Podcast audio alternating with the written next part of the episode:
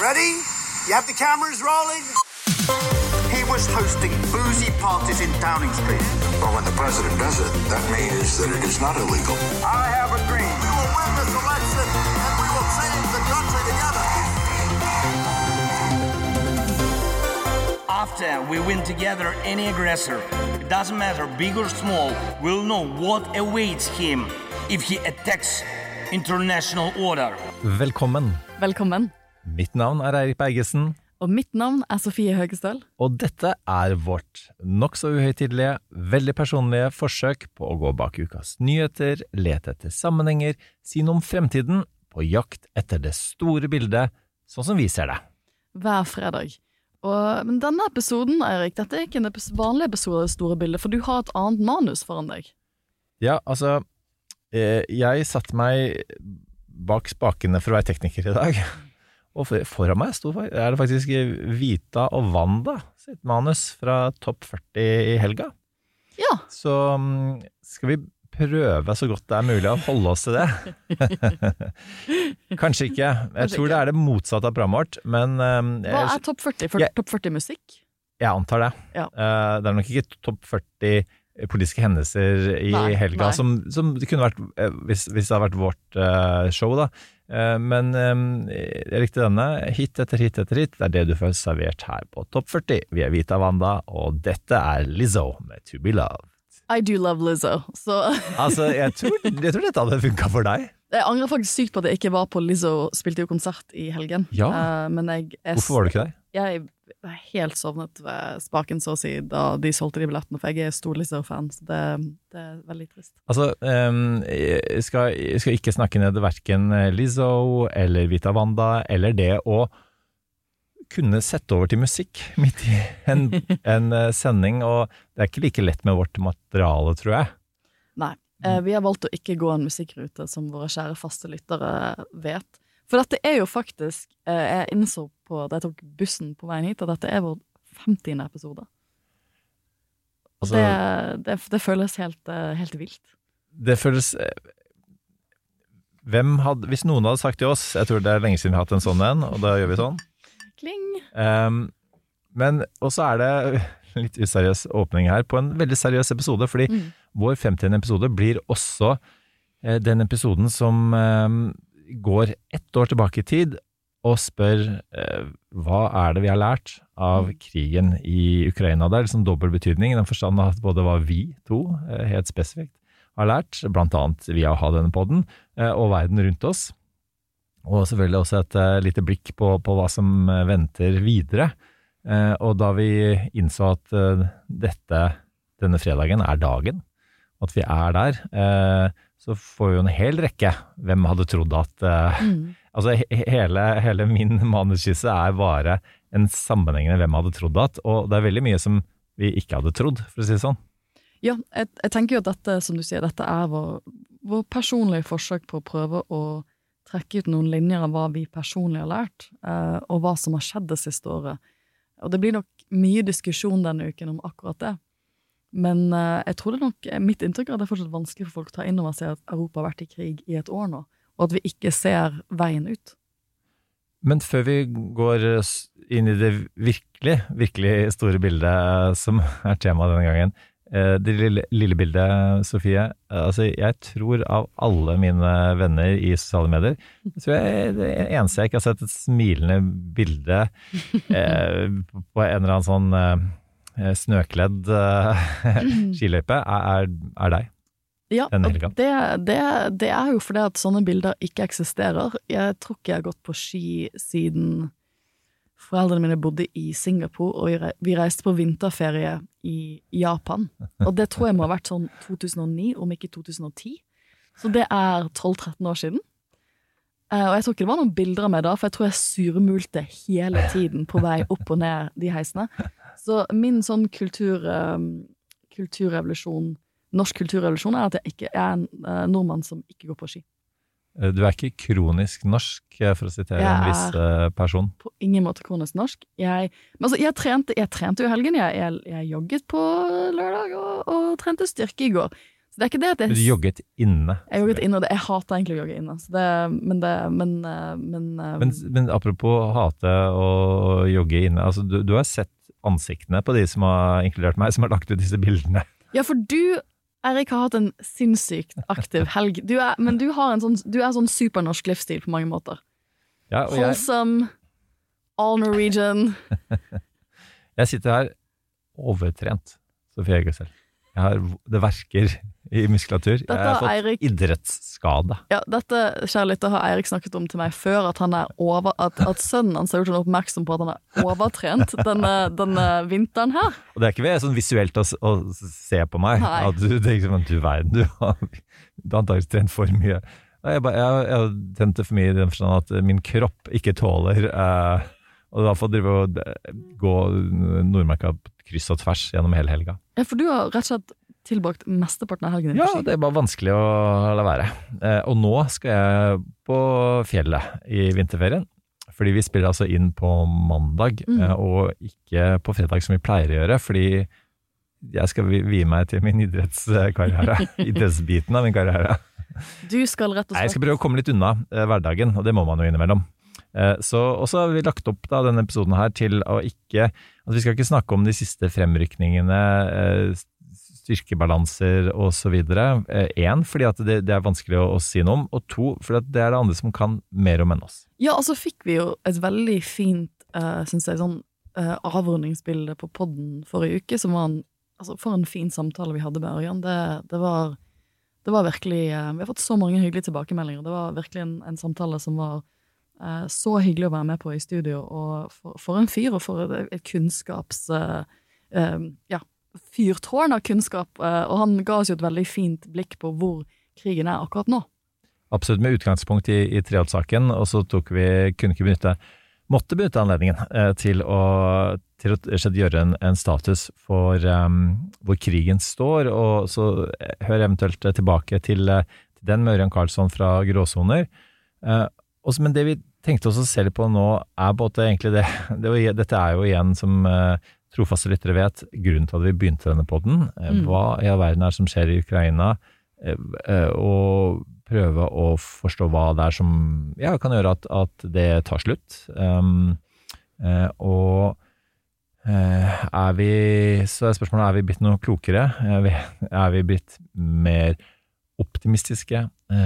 Og så, det, så det, litt, litt personlig. Litt ekstra personlig denne gangen. Litt personlig, for det, det eneste vi kan gjøre, er å prøve oss å, å tyde den samtiden vi lever i, eh, og komme med våre eh, personlige refleksjoner. For det, jeg tror noen, noe det siste året har vist, er at det er en del ting vi ikke har forstått i den samtiden vi lever i. Det, det som skjedde i fjor, var et brist med den samtiden jeg tror ganske mange i Vesten tror at vi var i, hvor, hvor det å se krig på europeisk jord eh, ikke var noe vi trodde kom til å skje. Ikke sant? Og, og det er jo og, og, og de poddene som jeg har rast gjennom nå i helga for å forberede meg til dette, så, og, og de, de mest bedreviterske, eh, og med, med god grunn for så vidt, eh, Economist osv., har jo også begynt eh, sine episoder med å si at alt vi ikke visste, og alt vi fortsatt ikke vet. Og så er det en sånn jeg tror liksom For å oppsummere det litt, altså handler det om selvfølgelig en, en sånn usikkerhet. Det handler om en veldig veksling mellom pessimisme og optimisme. Eh, Men så handler det også litt om, om at eh, altså Nettopp fordi at eh, det er en type sånn herre Altså, Putins logikk, da, er jo sånn at eh, Altså, det er jo åpenbart en del ting vi ikke forstår hvorfor han gjør, og så er det en del ting han prøver å gjøre som han helt klart ikke får til, og får ha motsatt effekt av det han har sett for seg.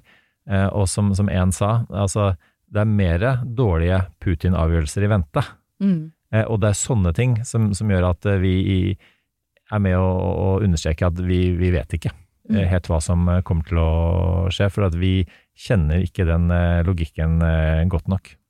Med de forberedelsene til denne episoden så har jeg også utfordret meg selv til å ikke være for negativ, for jeg tror det er viktig. Det, det er jo noe vi har fått tilbakemelding fra lyttere før. Og jeg ser jo noen positive Jeg ser jo noen positive aspekter ved det, det, det vi har lært det siste året, da. Um, og jeg tenkte vi kanskje kunne begynne med å gå litt tilbake til hvor, hvor vi var når vi våknet opp til nyhetene om at Russland hadde gått inn i Ukraina.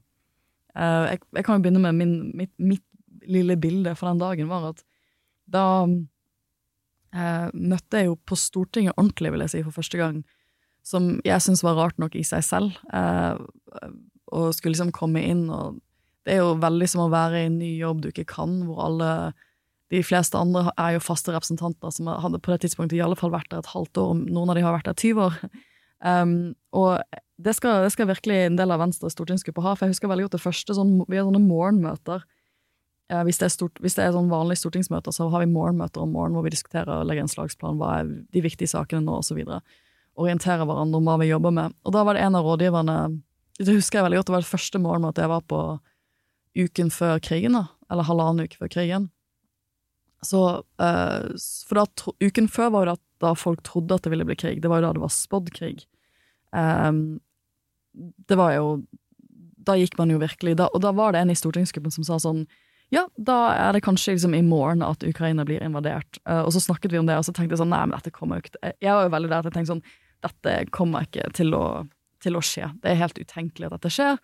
Uh, nå har sikkert Putin hypet dette opp på sin egen måte, og som um, Det var jo veldig mange som brukte sånn tryk, trykkokermetafor, at han setter opp varmen og begynner, begynner, å koke litt, og så ned, og så, og så får han en eller annen innrømmelse fra Vesten, og så skrur han ned eh, presset igjen, og så, og så, trekker han troppene sine litt tilbake, og så, man, og så trapper han opp igjen, og så blir det samme type syklus, for det hadde han jo gjort en del etter Krim, eh, invasjonen av Krim. Men hadde vi kjent Karen Anna Eggen da, så ville hun sagt at en del av de bevegelsene, troppebevegelsene, det var noe mer enn trykkoker analogien da, som mange brukte på det tidspunktet. Eh, men så skjedde jo ikke invasjonen denne uken. Og da tror jeg en del har slappet litt mer av. Jeg kjøpte leilighet. Jeg var, liksom sånn, jeg var i veldig sånn budkrig. Liksom runde. Jeg skulle, liksom, det skulle endelig være vinterferie også på Stortinget. Jeg skulle prøve å komme meg inn i noen av de sakene jeg virkelig skulle kunne jobbe med, som pengespilloven. Rest in peace. Jeg lærte meg aldri så mye om pengespilloven. Eh, og så kjøpte jeg leilighet på den mandagen før krigen brøt ut. Og det å da våkne opp eh, til at Ukraina hadde blitt invadert, for det var veldig stille denne uken, for det var jo vinterferie eh, i Oslo, det var veldig, veldig surrealistisk. Det var rett og slett en ekstremt surrealistisk måling. Jeg må, eh, Før jeg tar min eh, personlige vinkling på dette her, så må jeg bare innom trykkokerteorien. For at øh, jeg øh, Da det var snakk om at USA kanskje skulle invadere Irak, så, så, var jo det noe av det man Og man lurte på kommer USA til å faktisk gjøre det. Um, og, og, og, da uh, da satt jeg i sekretariatet til utenriksministeren, Jan Pettersen, den gangen, og vi visste ikke, eller jeg visste jo ikke helt hvor han kom til landet. Han lurte nok på hvor Bondevik kom til landet. Altså, for en lang historie kort, så ble jo Norge ikke med i den den krigen, heldigvis. Eh, jeg var eh, jeg, jeg satt på, på statsministerens kontor en morgen, eh, og leder i, i sikkerhetspolitisk avdeling sa Erik, du, du, er flink til å skrive implisitt at, at så tross at du ikke har så veldig mye byråkratisk makt, så du er, dikter dette. Og så, så skrev vi da den setningen som jo fortsatt eh, er noe av det jeg er stoltest av i mitt byråkratiske virke gjennom ti år. Eh, at, at, slik vi ser det, så, så, så, finner vi ikke et folkerettslig mandat for å gå inn i Irak, eh, men vi utelukker ikke at men folkeretten er, er, er, vi, og må tolkes politisk, og vi utelukker ikke at andre kan komme til andre konklusjoner. Du nikker til den folkerettslige mm. argumentasjonen, Sofie. Um, og, og, det, eh, og det, men det som jo da skjedde der, var jo at at uh, USA bygde opp det, det, det trykket. Uh, og, og, og, bygde opp og bygde opp. bygde opp, og husker jeg diskuterte dette her. Dette her, altså Den største krangelen jeg fortsatt har hatt med kona mi som, altså Vi er ute og kjører bil, og jeg forklarer trykkokerteorien og sier at det er sier ikke at USA ikke kommer til å angripe Irak, men jeg sier at strategien her er å bygge opp trykket nok til at Irak skal komme med de innrømmelsene man eh, trengte i forhold til eh, den eh, FN-resolusjonen som jo lå i bunn, eh, og som flankte at, at de kom med en, en fyldig våpenrapport, blant annet. Da. og så sa jeg at mer eller mindre at bare vent, det er en strategi bak. Og så sier kona mi, kaller meg for en du din krigshisser, hun er fra Sunnmøre. Og da bare, for da kjørte jeg bilen, og så bare vrengte jeg bilen min til sida, og så bare sa jeg, hva er det du kaller meg? Altså, dette er det verste du noen gang har kalt meg før. En krigshisser. Og så hadde vi en diskusjon som jeg, jeg husker ikke om vi ble ferdig med den eller ikke, men sånn noenlunde, ja faen. Um, men det var jo det som skjedde. Hun hadde rett. Uh, det var krigshissing. Uh, og, og, og, kanskje er det sånn trykkoketeorien er det skumle med det at du kan bli fanget selv da, Mm. av det spillet. Mm. Uh, og, og vi vet jo konsekvensen av at USA gikk inn med en koalisjon av villige land Ja. eh, den gangen. Eh, og, så, og så vet vi nå hva som eh, Ingen sammenligning for øvrig, men hva som har skjedd med Russland nå. Og det er Altså ja, for, å, for å gå til min, på min begynnelse på det, det siste tilfellet, da. Så, så, så var det litt sånn som både fra Irak og 9-11, en del sånn, du, du sitter og så prøver du å lese, Ørjan var innom det siste han var her, du prøver bare å skaffe deg mest mulig informasjon, Mm. og så prøver du også eh, skri, skrive og formidle eh, dine tanker i den tro, han hadde en sånn fin måte å si det på, den tro du faktisk skal Kan påvirke noe. Ja, kan påvirke noe, var det han sa. Eh, eh, og, og, og det handler om, og det er vel egentlig sånn tagline for, for denne podkasten, det handler om at vi skal bevisstgjøre oss selv og andre, mer enn at vi skal direkte påvirke. Jeg, jeg tror, så jeg, du har heia parlam, parlamentarismen. Du har mer innflytelse på Stortinget enn du har i podkaststudiet, er det lov å si det? Absolutt. Det, og sånn skal det jo være. sånn skal Det det noe annet hadde vært veldig, veldig rart. Um, men, men, men det er interessant, for jeg følte, som jeg, jeg følte jo meg så maktesløs uh, den morgenen når jeg våknet opp til, at, uh, til bildene av, av bomber, uh, av invasjon. Så, innså, så, så tenkte jeg jo, det sagt på Fodden, for jeg tenkte med en gang på, på bestefaren min, som var motstandsmann under andre verdenskrig, og så googlet jeg eh, De har en sånn fangeregister, fanger.no, hvor, hvor du kan se registrene for, for, for folk som var eh, i fangenskap under krigen i Norge. Og da googlet jeg liksom det igjen, og så gikk jeg inn, og så så jeg at de hadde lagt ut Jeg hadde ikke registrert, jeg vet ikke når de gjorde det, men de hadde lagt ut nye arkivbilder av han. Og det har ikke vært på fange.no før, men de har liksom lagt, de har lagt ut eh, skannet eh, inntak fra, fra Møllergata eh, og fra Grini, og det arkivet fra Møllergata er det også bilder av han. Og jeg har aldri sett bilder av han i den alderen da, da han liksom i begynnelsen av 20-årene. Og Det slo meg så vilt hvor lik han er lillebroren min, som også heter Torleif, som er oppkalt etter han. Men så, så så jeg liksom på når han ble fanget, og det var liksom på dagen for 80 år siden han ble fanget under andre verdenskrig. Og, det, og det, var, det var liksom det jeg satt og tenkte på den morgenen. Jeg tenkte på alle de unge personene, menn og kvinner, som nå måtte ta uh, uvirkelige veivalg om hvem de skulle være i denne krigen. For det, det, er jo litt det som skjer når krig kommer til landet ditt. At på en må men, men dette har jo ikke vi følt på kroppen på samme måte. Men det er kanskje det som har grepet meg mest det siste året. Det er valget til enkeltpersoner i Ukraina eh, i, i lys av krigen. Uh, hvor uh, ja, universitetsansatte har vært lagt ned bøkene sine, blitt skarpskytere, omutdannet seg, gått inn i militæret. Og det å det, det, var, det var kanskje Det var det jeg var veldig preget av den måneden. De, de veivalgene jeg visste unge mennesker ville måtte ta. Hvor de må ta et valg om hvem du skal være i denne okkupasjonen, i denne krigen.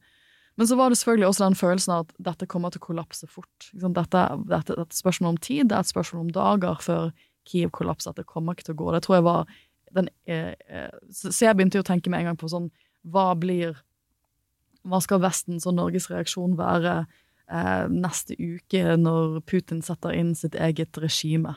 Hva skal vi gjøre da? Hvordan kan vi sikre Zelenskyj? Kan kan, kan vi gjøre et eller annet? Venstre og alle de andre partiene på Stortinget har jo søsterpartier i Ukraina. Kan vi gjøre noe for å sikre parlamentar eh, de, parlamentariske Kan vi hjelpe dem med å få eksil andre steder?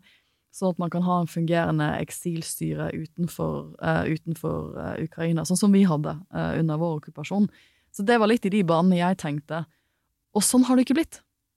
Og det er kanskje det første lærdommen vi kan ta, er at det kan føles det kan veldig, det kan, Man kan føle når man leser avisen at Putin vinner denne krigen. Men alle ekspertene vi snakker om, er veldig flinke til å minne oss på at det gjør han ikke. Han tror han skal gå inn med en blitskrig, erobre Kiev og Ukraina på ganske kort tid og sette inn sitt eget regime. Og være inn og ut militært ganske fort. Det er ikke det som har skjedd. Nei, og det er jo, det er jo to mulige utfall i sånne kriger. Eh, det er at det er kort, eller at det, det varer veldig lenge. Og det er sjelden en, en, mellomting. Og det er en sånn slags indre logikk i at, eh, ja, at kraften er så overveldende til å begynne med at man rekker ikke å, å mobilisere, og versus det at man ja, kraften er så overveldende på begge sider eh, at, at man havner i en slags sånn eh, eh stalemate. Du må hjelpe meg med norsken, eh, Sofie. En stalemate um, Ja. Nei, en stål, stålmatte.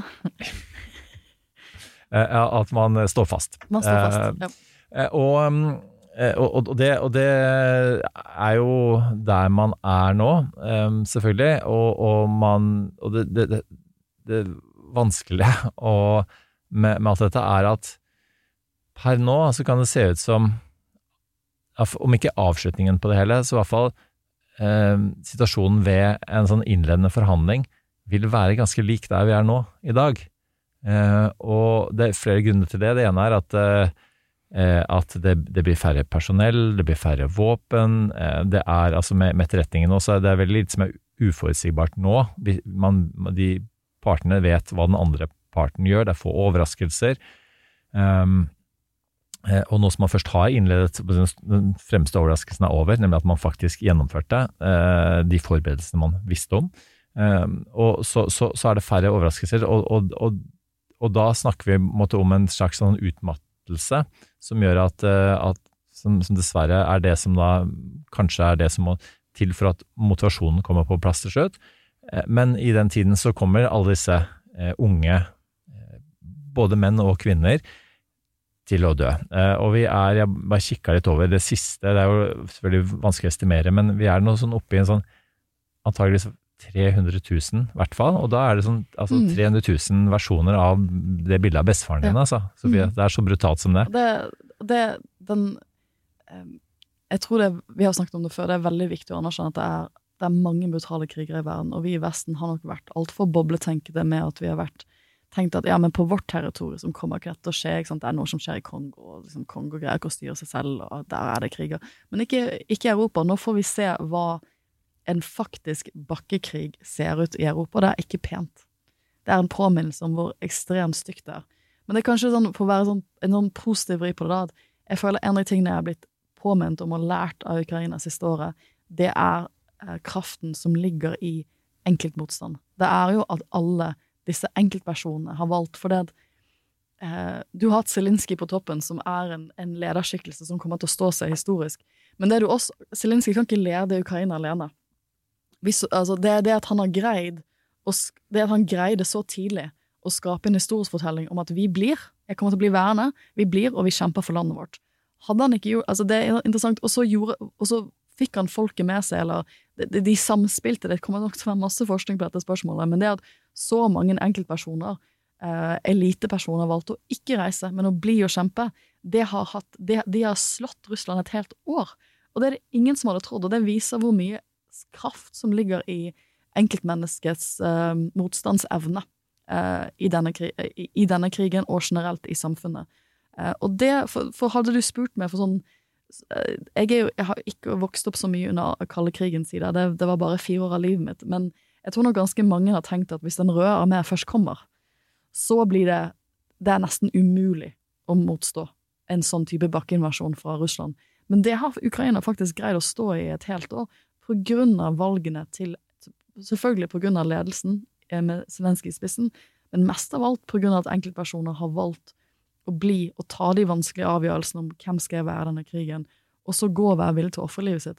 Og så er det jo mange som har betalt ved å miste livet i denne krigen. Og det er veldig Det er sterkt å være vitne til fra sidelinja.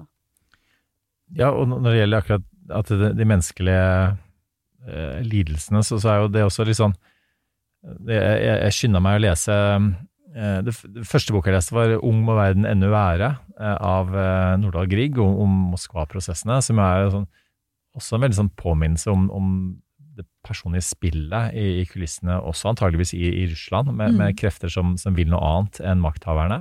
Eh, og, men hvor på en måte fanget de er av av, av den, altså de ideologiske påskuddene da, eh, som, som kommunismen eh, bruker eh, for å prøve å legitimere det de holder på med. Eh, Men, men også da eh, Internytt eh, fra vestfronten, hvor du altså da beskriver en type sånn krigføring i skyttergravene i første verdenskrig, som du altså av all, alt jeg har hørt om, om teknologi, og om, om det så er altså, overvåkning og, og smart bomber, for et begrep, eh, og, og, og, den, så, og så er vi altså midt i en krig nå, da, i 2023, som er så konvensjonell som det kan bli, Mm. og det er ja, Hvor mye er det i realiteten som skiller dette fra, fra andre verden, første verdenskrig, eh, andre for den saks skyld, men altså i, i den der fastlåste situasjonen hvor folk bare dør og dør og dør, helt til noen bestemmer seg for at nå er det nok Dette kan vi ikke eh, død. Nå har vi kommet på et eller annet sånn absurd eh, nok et nivå hvor, hvor vi har en eller annen rød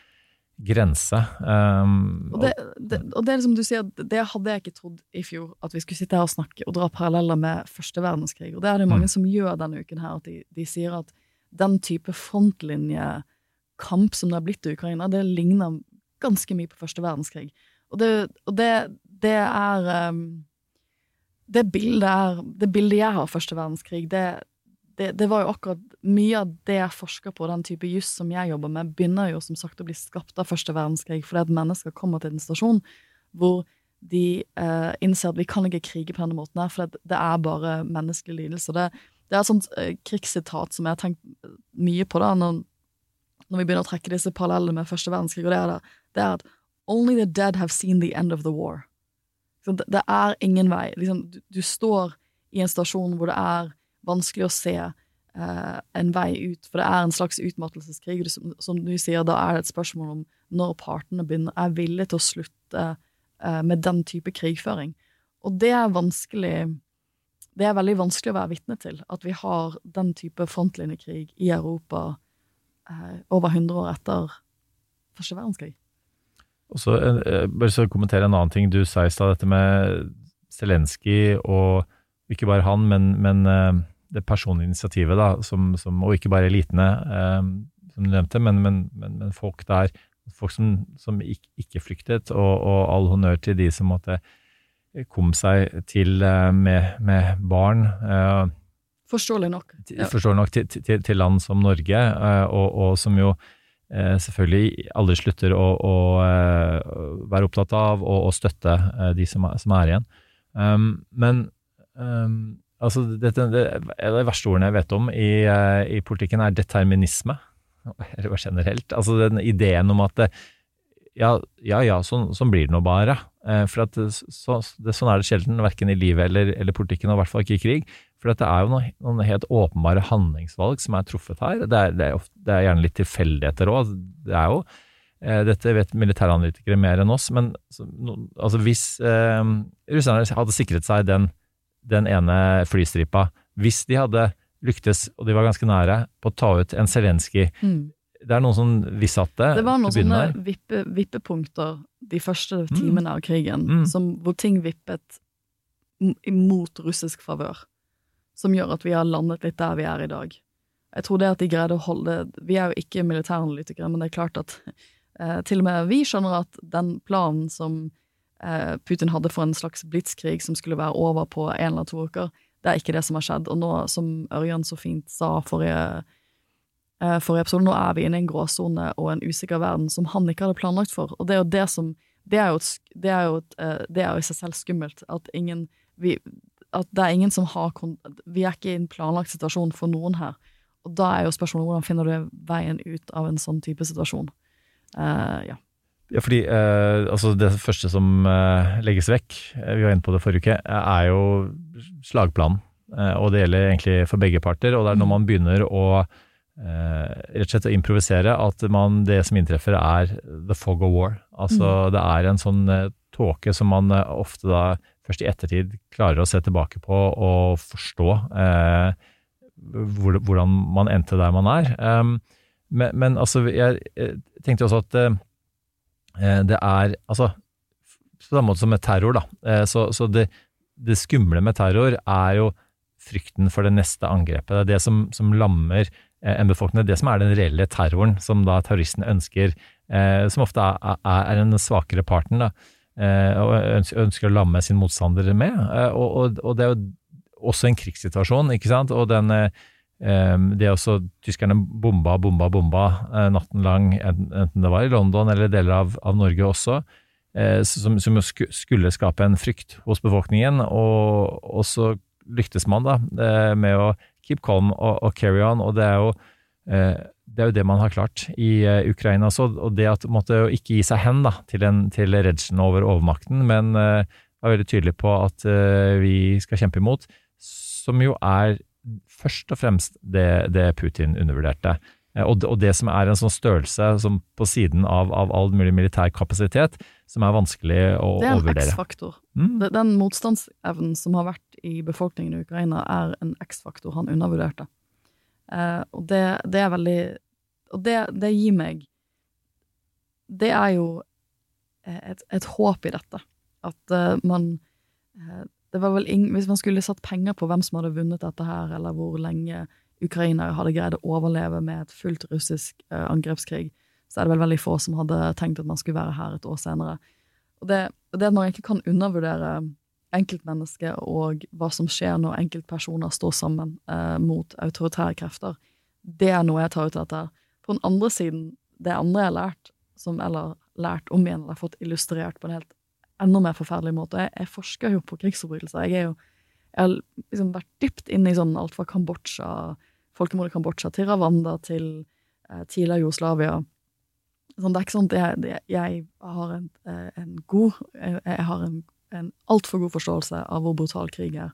Men det, en av de tingene som like fullt har overrasket meg siste året, er villigheten til Putin og hans regime og blindt ofre sine egne borgere inn i en krig hvor de vet at de kommer til å dø.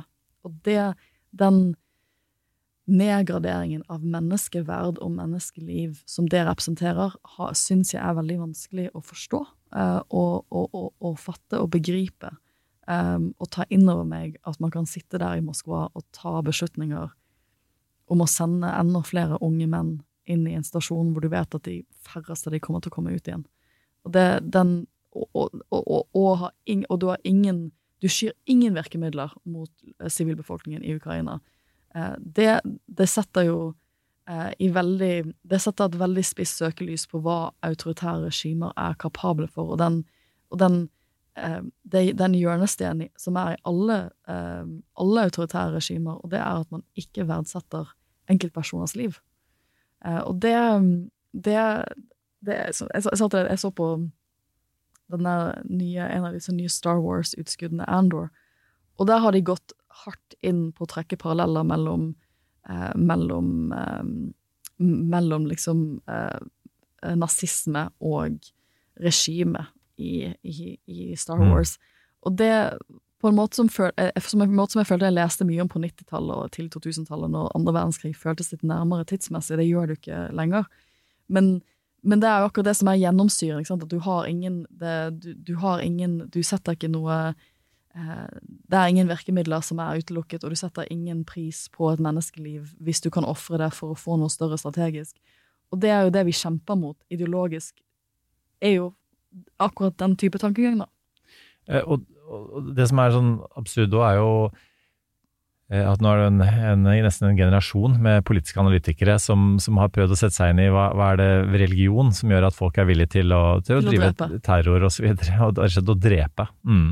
Eh, og, og, og, det er jo ikke det som driver eh, i eh, konflikten i, um, i, Russland nå. Og det er jo heller ikke uh, politisk ideologi i seg selv. Det er jo heller ikke kommunistisk ideologi, marxist, nostalgisk Marx. Og da, Marx var jo den som en gang sa at, at jeg, jeg, er ikke, jeg, er ikke, marxist. Ikke så det er klart at Han skjønte jo at det, det havarerte, og det ble selvfølgelig litt sånn som religion har brukt for å fremme eh, politiske formål, utover det ideen i seg selv. Men det man står igjen med, da, er jo en sånn herre Altså, en, en sånn klassisk maktkynisk eh, splitt og hersk. Det å forlede befolkningen sin, ikke verken si at det er en krig dere er på vei inn i, eh, eller, eller da eh, at man, man forleder til å tro at man kan vinne, man eh, dehumaniserer eh, motparten osv. Eh, og så driver man, og så bunn og grunn da, så ender man opp med en type sånn nasjonalisme. Og, og, et av mine nå sa jeg, mitt mest forhatte begrep, en av mine de sitatene jeg liker best, er uh, 'Patriotism is the last refuge of the scoundrel', som Samuel Johnson sa på 1700-tallet en gang. Og det er sånn Jeg også har en sånn iboende sånn, sånn uro i magen hver gang noen bruker nasjonalisme, også i Norge, for å på en måte legge, i seg selv legitimere sine handlinger. og det er, jo, det er jo der vi nå står i, i, Russland. Det er ikke mye mer igjen i det. Det var det jeg ikke likte med, med trumpismen, eh, eksempel, også. Eh, fordi at det, det, er ikke nok. Jeg, jeg er eh, for nasjonale verdier, jeg òg, altså. Og jeg er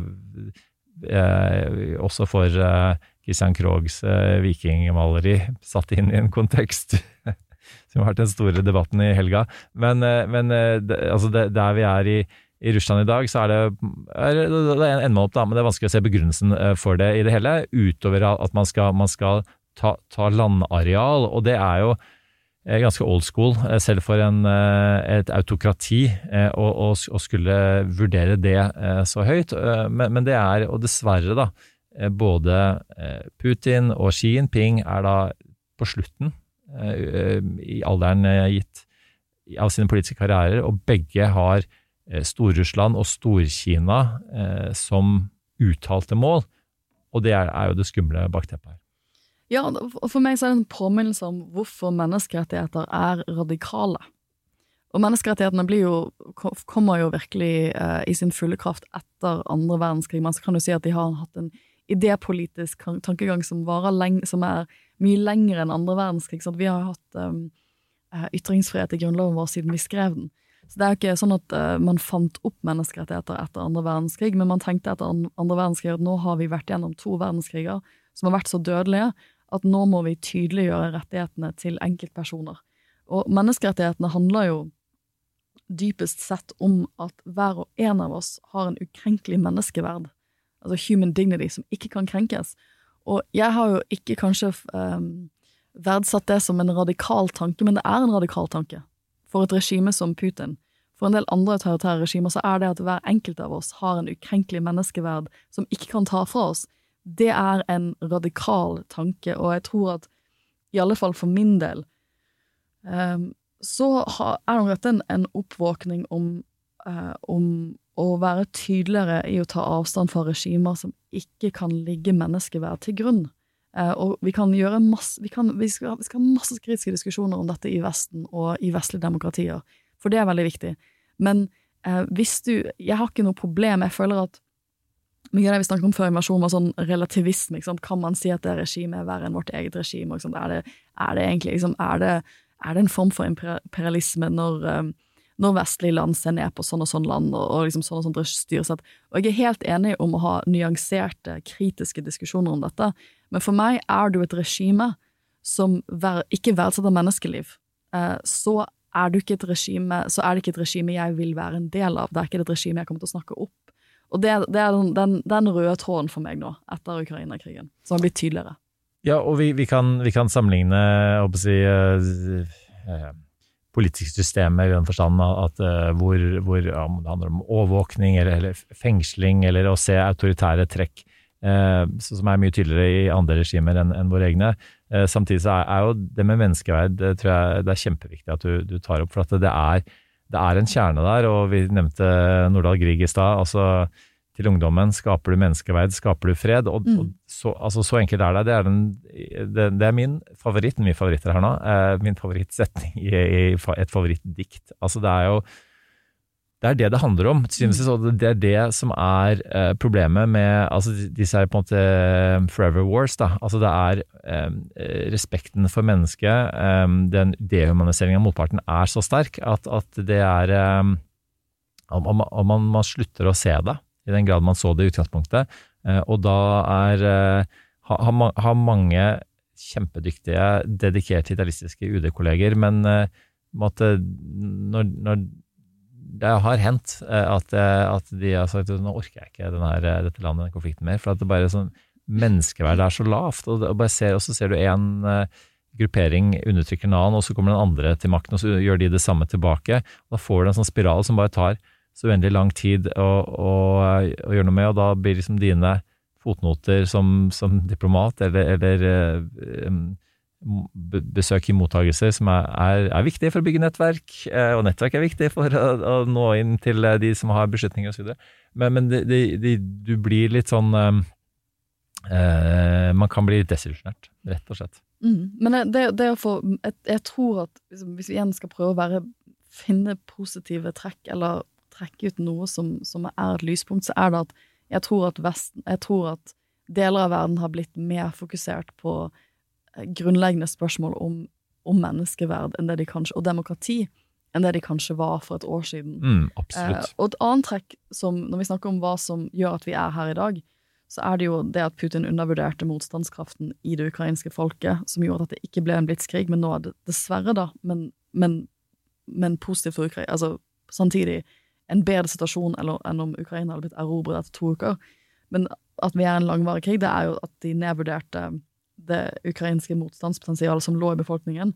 Andre tingen eh, Putin undervurderte, var jo vår evne til å stå samlet i Vesten som en europeisk blokk. Og det har jo vært et av lyspunktene i, i fjor, eh, at jeg har aldri sett et eh, Europa så samlet i min levetid. Det tror jeg ganske mange føler på. Kronemarked hos Spar. Nå har vi en mengde varer til 10 og 20 kroner. Hele denne uka får du løbiff fra Folkets før 54,90, nå kun 20 kroner. I tillegg får du et utvalgt Vasa knekkebrød, før fra 16,90, nå bare 10 kroner. Alltid tilbud på noe godt. Hilsen oss i Spar. Ja, fordi eh, jeg håper at kjære lyttere at dere har sett som kjenner oss nå etter 50 episoder, mange av dere, eh, ser det positive i eh, Altså når vi snakker om uforutsette negative ting som kan skje, så er det også masse uforutsette positive ting som kan skje, og det har vi jo sett allerede. Du nevnte dette med hvordan Vesten har stått sammen om menneskeverd, om demokrati, internasjonale organisasjoner er sterkere enn den er. Nato, eller det er FN. Jeg syns vi bør absolutt gi en shout-out til eh, vår mann Jens Stoltenberg, mm. som, som jeg traff på ski eh, forrige helg igjen, faktisk. Sånn er, sånn er Norge. kanskje, jeg hadde kanskje gått på ski for Stoltenberg.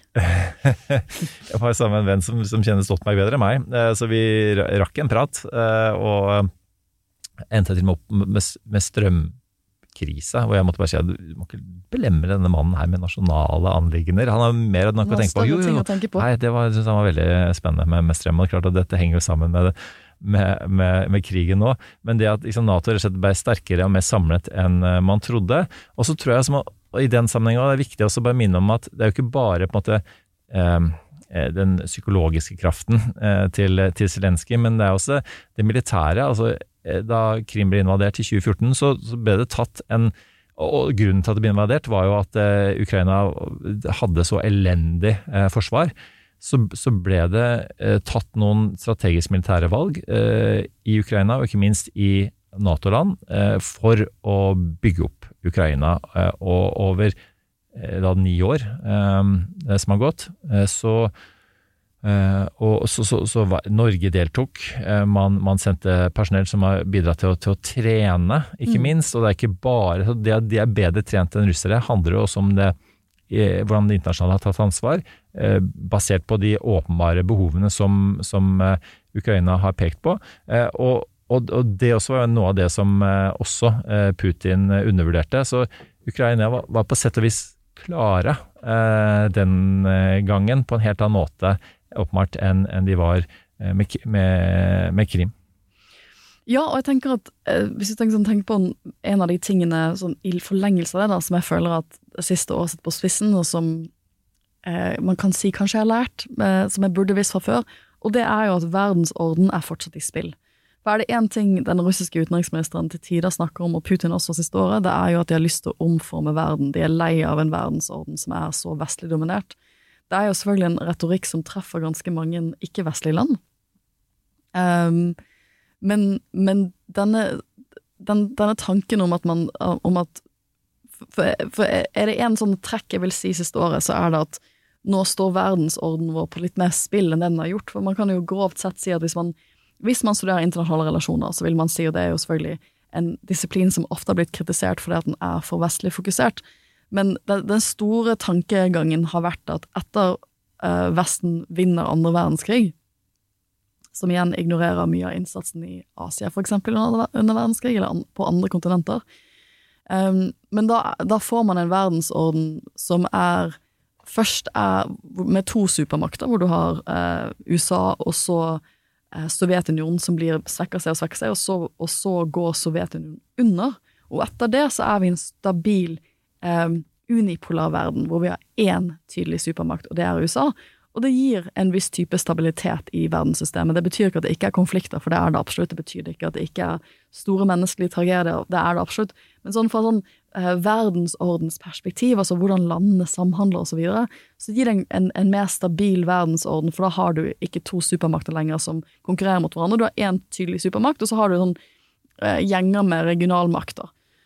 Mens det vi er på vei inn i nå, er jo det som eh, vi kan ikke si han er friend of the pod, men jeg hører jo på han ofte. Det, det er Alexander Stubb, denne tidligere finske statsministeren som også er professor i global politikk og skal gi ut bok som jeg tror heter, som skal hete dette. Og han skriver om at vi er på vei inn i en age of disorder, hvor USA har svekket seg maktpolitisk. Du har mer andre typer regionale makter som har blitt større, som Kina for eksempel. Og det gjør at du har ikke noe tydelig verdens, ver, verdensorden ledet av USA lenger. Eh, og det er akkurat det Putin vil. Han har lyst til å omstrukturere denne verdensordenen. Han, han, er nok ikke mektig nok til å gjøre det alene, men, men, da blir spørsmålet for oss, det er jo det vi må tenke på fremover, hvem skal vi være i denne verdensorden som ser annerledes ut enn den det gjorde i fjor? Og akkurat hvordan Putin tenker rundt det, det syns jeg eh, Andrej Soldatov, som har skrevet The Red Web, som handler om hvordan eh, ja, Russland gjennom Putin bruker internett for å kontrollere Russland og, og, og eh, deler av verden. Han ble spurt da han var i Norge her for en hel del år siden um, om, om, dette med hvordan er det egentlig Putin jobber. Så sa han at man tror kanskje at han sitter ved en, en, en pult og bare vedtar jeg si, genialt, iallfall i eget hode, gjennomtenkte strategier men, uh, på det ene og det andre. Men sånn er det ikke. Det er folk, folk legger fram hei, vi planlegger å fucke med Vesten og vestlig demokrati på denne måten, hva tenker du? Ja, og så nærmest stempler han det, mm. og kjør på. Fordi endemålet er jo bare rett og slett å forkludre ja. vestlig demokrati. Og destabilisere oss. Og destabilisere, og, og det krever ikke nødvendigvis veldig sånn sinnrike planer. Og det var det som skjedde du nevnte USA. Det, det, det, er jo det han altså Make Russia Great Again har jo vært hans strategi hele tiden med å backe Trumps Make uh, America Great Again. Uh, og det, de intervenerte i, i Er det én ting Muller-rapporten tross alt fastslo, var at de intervenerte i De forsøkte uh, å blande seg inn i valget i ja, 2016. Og, og de lyktes i den forstand at de, de hacket Hillary Clinton, altså den ene kandidatens server, og fikk publisert det via Wikileaks. Eh, så, så, enkelt eh, og så effektivt ble det, og kanskje var det de marginene som, som Trump eh, trengte. Men, men vi må, må, også ta en liten kikk på USA oppi dette, for det USA tross alt gjorde, da, det var at de, de fremstår rolige. De har ikke USA har ikke eskalert konflikten i seg selv, og de har heller ikke tatt eierskapet alene. Man har vært flinke til å delegere til, til Nato, ingen, det er ingen som stiller spørsmål om artikkel 5 uh, eh, og solidaritetspakten i Nato lenger. Uh, man har vært flink til å delegere til EU, og det som tross alt da, er en økonomisk krig som, som, EU fører, som jeg, det er ingen hemmelighet, du, ingen hemmelighet, gjerne skulle sett at Norge satt rundt bordet, og ikke bare var med å, å, å stemple de ferdige vedtakene til, til EU på. Men, og, og det, og så så vi, vi, eh, det kommer mer. Det har vært Vi var inne på det sist. Vi eh, skal snakke mer om det med det kommende presidentvalget, men det at eh, Kamala Harris, who would have thought, dukker opp i München og mm. er kraftfullt til stede uke. forrige uke. Snakker om altså Crimes Against Humanity. som Russland har gjort. Altså hun henger grisen på halen, og imponerte veldig mange. Uh, og, og det, det, har jo altså i, i München, det har vært en sikkerhetskonferanse hvor verdensledere har vært nå. Um, og, og, det, noe av det positive der er på en måte det hvor fremoverlent når uh, Russland har vært Sorry. Hvor fremoverlent USA har vært uh, i kulissene hele veien. Uh, og man har ikke tatt mer plass enn det man trenger. Det, er, det føles lenge siden USA invaderte Irak uten FN-mandat, uten Nato-engasjement direkte fordi at man kunne gjøre det alene. Man fikk en såkalt coalition of the willing med seg, som var en broket forsamling, for å si det mildt. Jeg tror det lange linjen her, hvis vi prøver å se litt inn i hva fremtiden kan se ut som da, så er det jo at um, Jeg var jo, som sagt, jeg hørte på Alexander Stubb på en konferanse jeg var på for to uker siden, og da fikk jeg høre litt mer om denne boken han skriver, og hva analysen hans er. Og analysen hans er nok at Vesten, i en sånn verdensorden som er mer ustabil eh, og mer splittet, så har vi nok litt godt av å vise litt mer ydmykhet for hvordan resten av verden ser ut. Eh, og gå litt mer ydmykt fremt. Men for meg er det samtidig viktig at det, det tror jeg er veldig riktig. Vi må lære av Irak-krigen. Vi må lære av mange av de eh, feilene jeg mener vi gjorde på slutten av 2000-tallet. Um, knyttet til at hvis vi mener at det er internasjonale spilleregler for f.eks. bruk av væpnet makt, så må vi også følge de. Da kan vi ikke være med på å uthulle uthule de reglene, for da kommer det regimer som Russland som kommer til å bare bombe det sønder og sammen, og det gjør oss mer utrygge i verden. Men samtidig må vi balansere det med å være beinhard på menneskeverd. At er det én ting vi har lært her, så er det at den, den type menneskeverd som Putin tross alt har vist i mange år, den, den, er uforenlig med den verden vi har lyst til å leve i. Jeg har ikke lyst til å leve i en verden hvor menneskeliv er verdt så lite som det det er i denne krigen. Og, og, og, det sier også litt om at vi Altså, det å inn, prøve å innføre demokrati i Midtøsten med ikke-demokratiske virkemidler Det er, det ikke noe som funker. Tortur eller mm. internering av ulike, på ulike igjen, måter. De torturforbrytelsene, det kaster en lang skygge mm. inn i dag. For det gir jo da ammunisjon altså i overført betydning, til, til en, en, Putin som kan si at ja, men hei, se hva dere gjorde eh, da. Eh, og det er selvfølgelig noe av det som er, er bunnen i Nato-motstand også i Norge. ikke sant? Men hva med, hva med Libya eh, osv.? Så, og så er det jo ikke sånn at man, man um, alltid lykkes med, med, krigføring. Men, og det er jo ikke et argumentasjon for at man uh, aldri skal prøve heller. Uh, men altså, det er jo uh, det, det, det, altså, ja, jeg, jeg, tror man har lært en del, heldigvis, av en, en ekstremt langvarig eh, konfliktsituasjon, krigssituasjon i, i, Midtøsten. Og det gjelder både USA og det gjelder eh, Nato, og det gjelder nok også eh, Norge. Og man har holdt igjen, eh, er det lov å si nå. Og, det er jo en av de tingene man liksom, også spiller inn i det hele, er at ok, hvis man sammenligner med, Balkan, da, hvor det dessverre også ble en sånn slags utmattelseskrig, men hvor da Nato intervenerte til slutt, så er nok også en del av Putins kalkyle at hva er det jeg må rekke å gjøre før eventuelt Nato involverer seg? Det er ingen tvil om, og dette er ikke bare verken paranoia eller en tankelek. Altså, han tror nok at det er en mulighet for at, at uh, Nato enten eh, eh, gir Ukraina det de trenger til å verne ikke bare sitt eget luftrom, mm. men faktisk å true Russlands luftrom i form av fly. Um, og, og, og, og, ja, man spekulerer jo nå i at uh, det siste Zelenskyj advarer om, det er jo at, uh, at Moldova er i spill. At, man, at Putin skulle, kan, se for seg at han skal inn dit. At han driver et spill i kulissene der, er det ingen tvil om. og han forstår også at sånne ting er med å provosere Nato ytterligere. Så, så, det er jo liksom Der krigen står som militært, da, er jo handler om på en måte ikke bare at Russland prøver å sikre seg Donbas, at Zelenskyj prøver å å unngå det, og at eh, Russland eh, har trappet opp der, og at Ukraina forbereder seg på, på å trappe opp, på, på å slå tilbake. Eh, men, men eh, altså, det er jo eh, De òg sitter jo og tenker eh, hva hvis-scenarioer. Mm. og vi begynte sendingen med å snakke om at Putin har en hel del har gjennomført en hel del dårlige avgjørelser og har nok mange, Mange igjen igjen. i ermet. Sånn at, eh, og hva, hva de vil være, det, det kan dessverre kreve litt eh, kreativitet. Men det som i hvert fall er ingen tvil om, er at eh, Ukraina de, de trenger mer våpen. Eh, og de trenger de raskere. Det har de jo Zelenskyj sagt igjen og igjen og igjen i, alle disse her, eh, pratene og intervjuene og med, med parlamentene osv. Eh, og så er det liksom det som uroer meg litt, for bare sveipe litt innom det, i og med at Kina allerede er nevnt, er jo det at Vesten, Nato og USA strever jo faktisk med å gi de eh, de våpnene og de kulene og kruttet som trengs når, når det trengs. Fordi det krever ganske mye kapasitet, og det betyr også at vi sitter igjen med mindre eh, våpen, ammunisjon osv. Og det er noe Kina vet, eh, og det er eh, Vi vet jo alt eh, om, om situasjonen nå etter hvert, dessverre, med, med Kina og, og Taiwan også. Men nå som du nevner Kina, så er jo det en av de tingene som har skjedd og skal skje denne uken vi er i nå. Det er jo at Kina har at de har lyst til å komme med et utkast til en fredsavtale.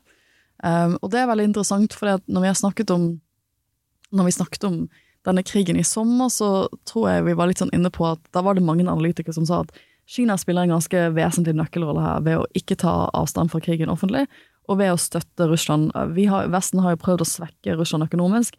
En av lærdommene dessverre fra det siste året er at det har ikke funket så godt som vi trodde, fordi at Putin har vært med på å eller sanksjonssikre den russiske økonomien eh, som en langvarig plan mot denne invasjonen. da. Så det har ikke hatt kanskje like stor effekt som det vi hadde håpet på, men det er også fordi at Kina er med og støtter Russland økonomisk. Hvis ikke så hadde ikke dette gått.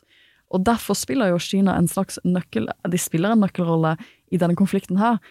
Og det at Kina nå kommer på banen og sier at de ønsker å komme med et utkast eller et forslag til en fredsplan, det er interessant. Jeg tror nok at Vesten kommer til å være særs skeptisk til denne planen.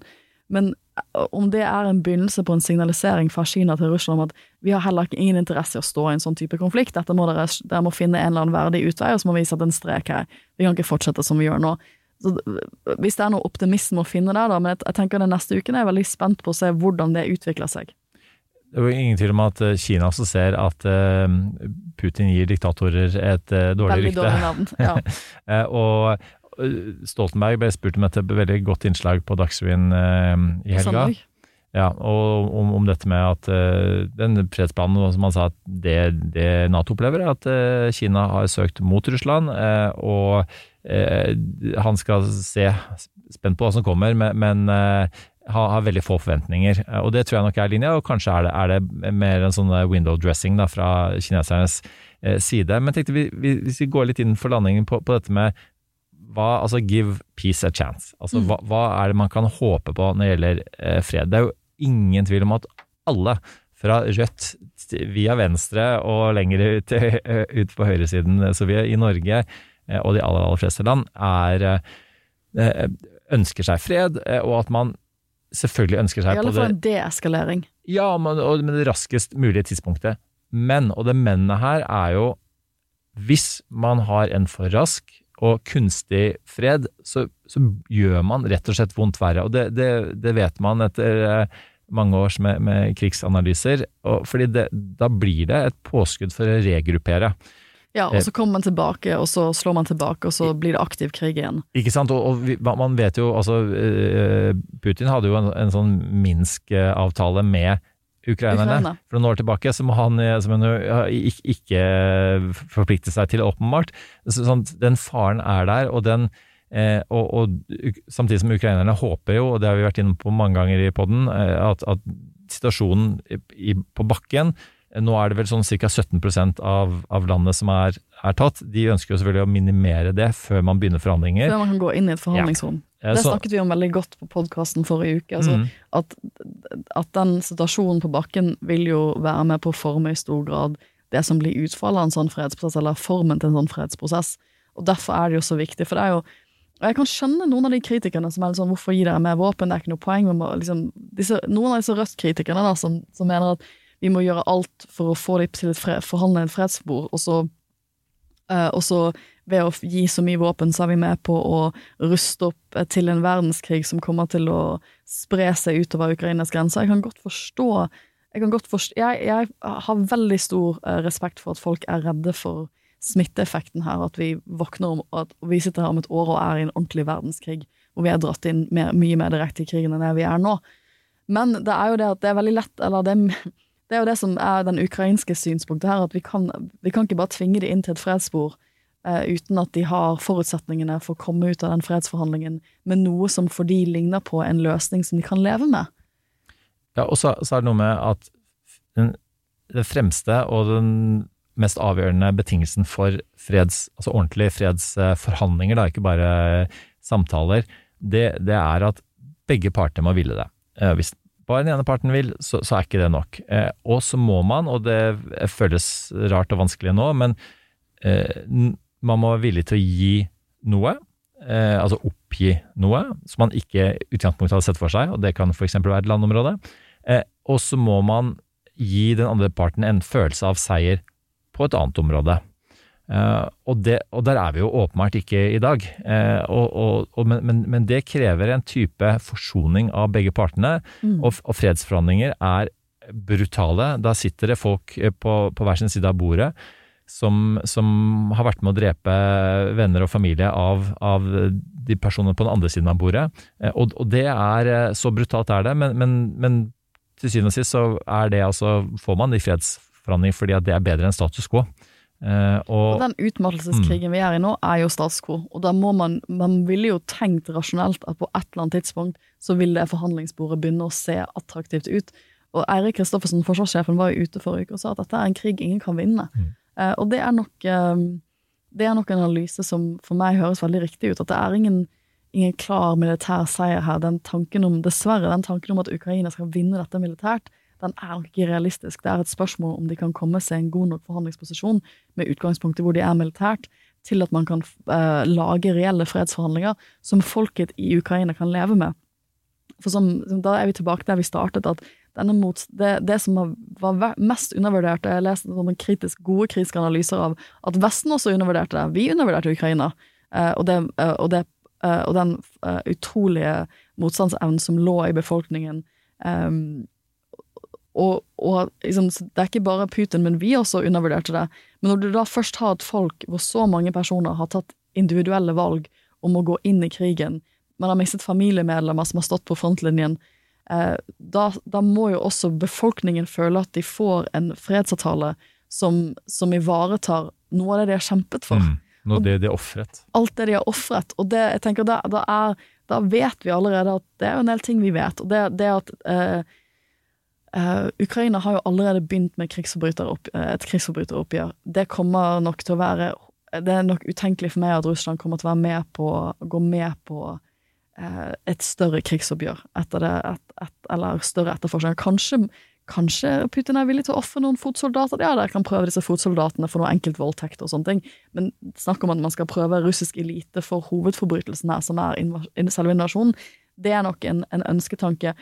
Så det blir et veldig vanskelig altså Forbrytelsen der blir et veldig vanskelig eh, punkt. Og så er det selvfølgelig landmassen som hele denne krigen handler om, som blir veldig vanskelig. Det, det hadde vært nesten utenkelig fra et norsk perspektiv til å gi opp Finnmark eh, i en sånn type situasjon. For det, det, er jo folks familie som bor der. Eh, og det, den menneskelige relasjonen der, og hvordan du skal navigere det, det er jo det dette andre året kanskje kommer til å handle om etter hvert. Og, og hvis vi tar med da de aller mest optimistiske prognosene, så er de vært inne på det i München også, man snakker om en type sånn relaunch of Russia. Altså at, at, en, at ikke bare å, å si, holde Putin på plass, eh, eller, eller, det som måtte komme etter Putin. Man er frykter altså, altså the, uh, the, devil you know uh, er noen ganger bedre enn, ja, en hva altså, som altså, Noen av de mest urovekkende tingene jeg har lest siste uken, det, det er jo uh, folk som sier at han han lederen, han, han mangemilliardærlederen for uh, Wagner-gruppen, den mm. forferdelige mm. Uh, uh, gjengen med, med, privatsoldater som er rekruttert til dels fra fengsler i Russland, som står for massive krigsforbrytelser. Eh, jeg skal ikke prøve å si navnet hans, men Jevegny Han har fått en, en, plass i russisk offentlighet som veldig sjelden noen andre har fått. og han virker jo som, plutselig som en person som kunne tatt over Putin. Jeg tror ikke det blir et bedre Russland av det. Nei, og, og han toppgeneralen og han eh, Gerasimov, eh, som jo eh, som har blitt Etter hvert som de ene generalene etter den andre eh, har, er død det i slag, så, så har han på det tatt sånn overansvar. Og han er, har en doktrine som er sånn all out war, som mm. også er med å skremme. Nei, men den, igjen, nå prøvde jeg å si det, det optimistiske her, er jo på en måte at fordi man skal ikke glemme at Nazi-Tyskland, du nevnte det i forbindelse med Eh, at, at, det er også noe av, av det som eh, Av det, det som eh, i, i, altså i, hva heter den Star Wars-serien som du ser på? Du som er Star Wars-nerden. Andor. ikke sant, som jeg har motivert de, er jo Er jo Ja, altså Man hadde nazistisk regime i Europa i andre verdenskrig. Det ble nå den demokratiske ledestjernen i Europa. Eh, i, altså, eh, i, eh, altså, Tyskland i våre dager. Og det er jo det man må ikke glemme, og, og det som Ja. Og for å kaste meg på det, som mange har påpekt denne uken, den sosiale kontrakten som Putin hadde med i alle fall eliten i Russland, det var jo at hvis du ikke engasjerer deg politisk, hvis du lar meg holde på, så skal du få lov til å, uh, å nyte en europeisk uh, i, sånn vestlig livsstil i Moskva. Det blir ganske fint, og du kan bli ganske rik. Den sosiale kontrakten er brutt. Og hva det, hva, hvordan, hvor lenge det vil vare når man bryter en sånn type grunnsetning for hele styresettet sitt, hva det betyr, hva det betyr over tid, det er også veldig spennende å følge med. Nå står produsenten vår utenfor og skraper på dørene. Vi må runde av episoden. Men jeg håper vi har gitt noen personlige refleksjoner og noen lysglimt i det vi går inn i, dessverre går inn i andre året av denne krigen. Eh, og uh, ukas av- og påkobling, det blir rett og slett uh, det som vi allerede har, uh, har nevnt i poden. Så når du ser på spilleren, så skal vi ta oss og samle det mm. der. Det er ikke mye avkobling denne gangen, det er mer påkobling. Påkobling, gjennomgang av, av noen gode tekster rundt som andres analyser er vårt bidrag denne gangen. Så med det, da håper jeg dere har hatt en flott vinterferie, dere som har hatt det, og dere får en fin vinterferie neste uke. Og dere som skal ha vinterferie neste uke, kos dere. Vi kommer tilbake med en mer lystig episode da. I promise. That's enough. Put down the mic. Vi i Rema 1000 kutter igjen prisene. Nå på en mengde påskefavoritter. For eksempel kutter vi minst 25% på 2 ganger 600 gram grillpølse fra Gilde, 10-pakk Chicago pølsebrød fra Hatting, 7-pakk tulipaner og andre påskefavoritter. Alt dette og enda flere priskutt på minst 25 For det er sluttsummen på påskehandelen som teller. Og husk at vi fortsatt har fryst prisen på over 1000 varer. Kiwi er billigst i VGs matbørs og har vært billigst i fire av de fem siste VGs matbørser. Og nå presser vi prisen på påskevarer fram til 1. april. På 591 gram Toro vaffelmiks presser vi prisen fra 35,90 helt ned til 26,90. På 410 gram Lerum jordbærsyltetøy presser vi prisen fra 29,40 helt ned til 22,90. For det er vi som er prispresserne. Og vi i Kiwi gir oss aldri på pris.